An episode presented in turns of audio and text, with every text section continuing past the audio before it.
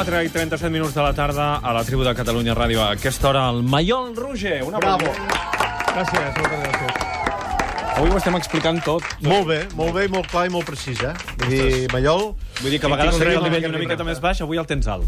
Ostres, Val. doncs, doncs res. T'hem de dir, Eh, Mallol, que que- moltes gràcies, eh? L'altre dia vam clar, fer un tema de neologismes i un dels nostres oients va proposar que una de les paraules que s'haurien d'acceptar aquest 2014 és xichinabo. És En la em- llengua que- catalana, eh? És que em sembla indignant que no estigui acceptada ja. És, és prova que la llengua a vegades va molt més lenta que la societat. Atenció amb les claus polítiques d'aquesta setmana del Maiol Roger, perquè la primera... O, o sigui, les tres les, les escriu ell. Les llegeixo jo, però les escriu ell, eh? Poso que Això. El nivell també està altíssim. Primera, la visita de Pablo Iglesias a Barcelona porta cua.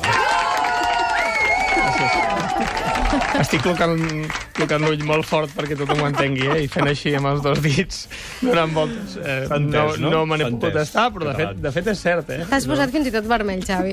És a dir, si Pablo Iglesias fos calvo, es podria haver fet el mateix titular, però no hauria tingut... Uh, no hauria sigut igual, igual de Sí, pèssim, sí. aquest doble sentit.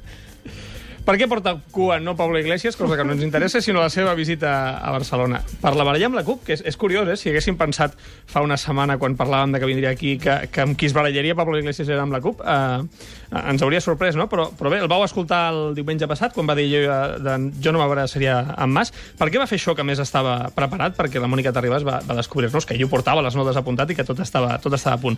Doncs perquè a, a l'entorn de Podem va molestar moltíssim una carta oberta que va escriure la CUP la setmana passada. Una carta oberta vol dir que no és una carta, és un comunicat als mitjans, Sí. però se li dona, Sí. se li dona aquest format. Uh, amb, amb una pregunta clara. Està disposat Podem a uh, permetre, no a permetre, a, a, és a dir, si guanya el, el govern espanyol a convocar un referèndum a Catalunya, això va molestar molt a, a Podem, perquè una mica intenta, intenta fer Sitzània, i el fet que, que la CUP, que és un moviment d'esquerres, que ells pensaven que podia acostar-se a Podem, que, que igual que guanyem, que, que hi ha hagut un acostament, uh, guanyem Podem, és, és, que és, com, és molt, molt farragós de dir, però s'entén, no? Igual que com el moviment que lidera de Colau, eh, doncs, doncs s'hi ha acostat i es pensaven que la CUP també. Colem. Eh, què va passar també? David Fernández i Pablo Iglesias es coneixen de, es coneixen de fa temps i, i hi, havia, hi havia una relació i llavors es pensaven que la CUP no entraria en aquest joc polític. La resposta ha sigut un clatallot eh, molt gran, dient això, no? de, de manipulant una mica el sentit de l'abraçada que van tenir David Fernández i Mas el 9 de novembre, i David Fernández no s'ha quedat curt, perquè això és el que li ha respost avui a, a, aquí a Catalunya Ràdio. La realitat és una mica més complexa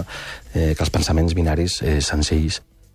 És només un dels clatallots que David Fernández que ha repartit de valent aquest matí. binaris senzills. Eh, Sí, us recomano escoltar l'entrevista, eh, perquè ha valgut bastant, la, ha valgut bastant la pena. Uh, per què respon això? Perquè realment el que, el que ha fet uh, el Pablo Iglesias és una mica simplificar els missatges, no només amb la seva ideologia uh, econòmica, recordeu quan parlàvem fa uns mesos de Pablo Iglesias, que us deia, és, és, han, han aconseguit simplificar el missatge de tal manera que, que, un, que un missatge molt complex és explicat de forma senzilla. El que estàs fent és aquest missatge complex canviar-lo perquè sigui més senzill i sigui més adaptable a, a, al centre. Això ha passat amb el dret a decidir, ells el programa europeu portaven l'autodeterminació, ara ho engloben en un dret a decidir a, a dret a decidir-ho tot, en el que bàsicament el procés català queda per després de uh, quan es comenci el procés espanyol. Què molesta als independentistes de Pablo Iglesias? Per què hi ha hagut una indignació, si mireu al Twitter, una indignació molt forta? Primer perquè s'esperaven que, que mm, un partit d'esquerres nou, que va amb un missatge que, que tolera el dret a decidir, fes un, fes un missatge diferent del que va fer. Un pronunciament clar, un compromís de Exacte. la convocatòria d'un referèndum. I més que un compromís de la convocatòria d'un referèndum, no, el problema de Pablo Iglesias va ser el reduccionisme de reduir tot el procés a Mas. Això va molestar moltíssim. Els partidaris de Mas els va molestar perquè no se'n va estar de, de criticar el president. A més, aquest comentari de jo no li dono legitimitat quan ha estat votat, de fet, no? perquè al final les eleccions es presenten i la gent vota. És una cosa que, són coses que passen. Eh, doncs això va molestar la gent. I els contraris del president perquè mm, hi ha molt més procés més enllà del president. No? I això, això va molestar molt. Eh, i di- diràs, ostres, és que Pablo Iglesias no ha entès què vol dir el procés, al contrari. Ell ha entès perfectament què vol dir el procés. Uh, el que vol Pablo Iglesias és guanyar les eleccions. Mm, el seu programa, per què el simplifica? Perquè ell, i això ho ha explicat en, en conferències i en xerrades, uh, per ell la política és 95% màrqueting i 5% política. Per tant, aquest 5% política sempre queda reduït per una operació de màrqueting brutal. I qui va buscar aquí a Catalunya?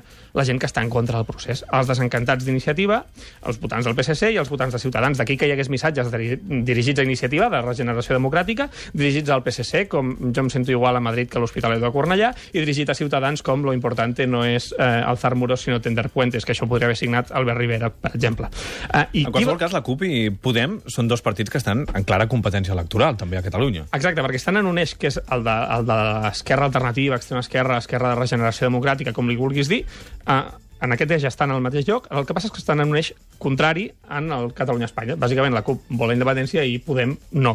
Uh, el que passa és que quan mirem les enquestes, com la del CEO de, de la setmana passada, i això es confirma amb la tendència de les últimes en les que ja entrava Podem, sí que veiem que primer Podem roba d'aquests tres partits que deia, Iniciativa, PSC i Ciutadans, i roba menys de la CUP. Sí que sí que capta una mica aquest desencantat de la política menys independentista, que podia haver votat la CUP, eh, eh, però ara no ho fa. Per això també Pablo Iglesias, òbviament, va, va mm. burxar la CUP. Mm, No, no, no és tonto, Pablo Iglesias, ni molt menys. Eh, I després va buscar, sobretot, el, el, el vot històric de, de Felipe González, que s'ha dit aquí, no? El, el vot que mai participava a les eleccions catalanes, que participava a les eleccions espanyoles perquè li agradava el PSOE, que ha deixat de participar i que ara veu en Pablo Iglesias aquesta, a, a, aquesta nova política amb, amb qui es veu atrevit. Quina amenaça té això pel procés? Eh, té l'amenaça de que hi ha un altre eh, procés obert, en aquest cas a Espanya, que pot fer que gent que veiés de forma il·lusionadora eh, el procés català eh, ara s'assumir el, el procés de renovació espanyola. Això eh, pot ser un, un, un inconvenient, però també pot ser un avantatge de dir, bueno, és que el procés català potser com deia avui eh, el company Roger Palan, un article que us recomano el crític, el procés català potser no ha de guanyar per incompareixença del rival, sinó ha de guanyar perquè és un projecte millor.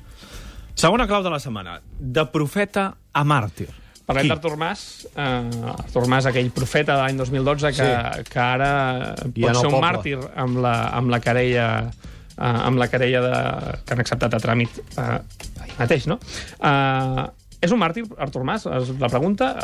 Vaja, òbviament la, la querella és, és, és, és una, una altra mostra d'aquestes de que la incompetència política espanyola eh, es, resisteix a prova de bomba, no? Però eh, si Convergència agafa l'error de pujar Mas com un màrtir i presentar-lo com un màrtir, tornarà a cometre la mateixa falta que el 2012. Com bé deia David Fernández aquest matí, i tornem a citar-lo i tornem a citar aquesta entrevista, al procés hi ha els que estan a favor de Mas, però també hi ha els que estan en contra de Mas, que són molts. Si el procés se centra en fer que Mas sigui un màrtir, això allunyarà molts indecisos, que és una mica l'amenaça que van veure a l'enquesta del CEO. Molta gent del sí no, molta gent que no té clar això de la independència, si ho veu com un projecte d'un màrtir individual, com que el procés és per salvar uh, la persona del president, doncs això allunyarà molt a, als votants i, i als votants d'aquesta potencial llista única que, que vol Convergència. Si Convergència ho assumeix com un fet natural, és a dir, jo sóc el president de la Generalitat i a mi m'ha tocat liderar-ho i, per tant, mm, ho assumeixo.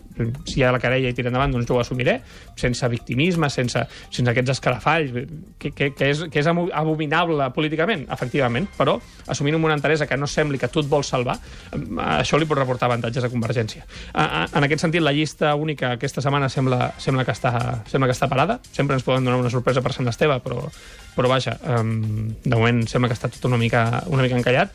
I David Fernández feia una proposta aquest matí que era fer tres pols polítics, que era la llista presidencial, la llista socialdemòcrata que lideraria Esquerra i la llista de l'Esquerra Alternativa que, oi, perdó, lideraria eh, David Fernández, no perquè ha dit que no s'hi presentaria, sinó la CUP amb altres formacions, que està encara queixant-se. I tercera clau d'aquesta setmana, el Nadal que passaran els Pujol. Pobres Pujol, eh? Pobre gent, quin Nadal no passarà. Sobretot Josep Pujol, clar, sentint-se tan diferent, ell que no està imputat. Igual, igual al tio li, li, li falsifiquen un, un auto judicial perquè no se senti tan sol. Sa- Sabeu què feia Pujol cada 25 de desembre? Posa un Pujol a la teva taula. Què feia el A les dia 3 de la Nadal, tarda Jordi agafava Pujol? el telèfon i trucava doncs, a Miquel Roca quan, quan existia o algun consell i deia, què, què fas? I home, president, és, és el dia de Nadal a les 3 de la tarda. Ell estava treballant. Aquest, aquest any no crec que ho faci, i si ho fa, no crec que es posi a mirar la comissió, la comissió del frau. Uh, avui ha continuat, uh, avui hi ha hagut uh, el síndic de Greuges, Rafael Ribó, que ha dit que hauria de dimitir per Banca Catalana l'any 84, però vaja, això ja, ja li va demanar en el seu dia perquè es va enfrontar a les eleccions que va guanyar Pujol, però el que és molt interessant i ho recomano de, de recuperar és la compareixença de l'exfiscal en cap de Catalunya, el José María Mena, que va tenir ahir, eh, en el que va venir a dir que, que vaja, que des de Banca Catalana ja se sap eh, que Pujol va, va, va posar la mà a la caixa no? i especialment a, a la de Banca Catalana, aquella querella famosa amb la que ella es va revestir de, d'un, de també, també un màrtir, és a dir, a partir del, del tema de Banca Catalana va quedar clar que tot el que era un atac de Pujol era un atac a Catalunya, per això també eh, explica moltes coses de, de, les, de la sorpresa que es, va tenir, que es va tenir ara, i és molt interessant escoltar com Mena eh, narra Uh, la caixa, els diners desviats a una caixa B, els dividends cobrats quan ja hi havia pèrdues, tot aquell, tot aquell procés en un home que, que realment parla bé i s'expressa molt bé. Uh, I, a més, hi ha una anècdota. El, el 1984, quan es va acceptar la querella, hi va haver una manifestació molt violenta davant del Parlament i com que no hi havia internet i Twitter i no es coneixien les cares, eh, el fiscal Mena va passar pel costat de la manifestació amb la querella a la mà i ningú li va dir res. I, en canvi, el pobre Raimon Obiols doncs, el, van, el, van, el van gairebé atonyinar eh, a les portes del Parlament. Però vaja, és una tonteria que, que m'ha fet gràcia. Eh, això sí, us recomano seguir-la. És una comissió que de moment no està donant grans titulars de cara a la premsa, però sí que està sent molt interessant per entendre el frau fiscal d'aquest país. Maiol Roger, moltíssimes gràcies. Fins la setmana que ve. Que passis un bon Nadal. A millor que vosaltres igualment, exacte.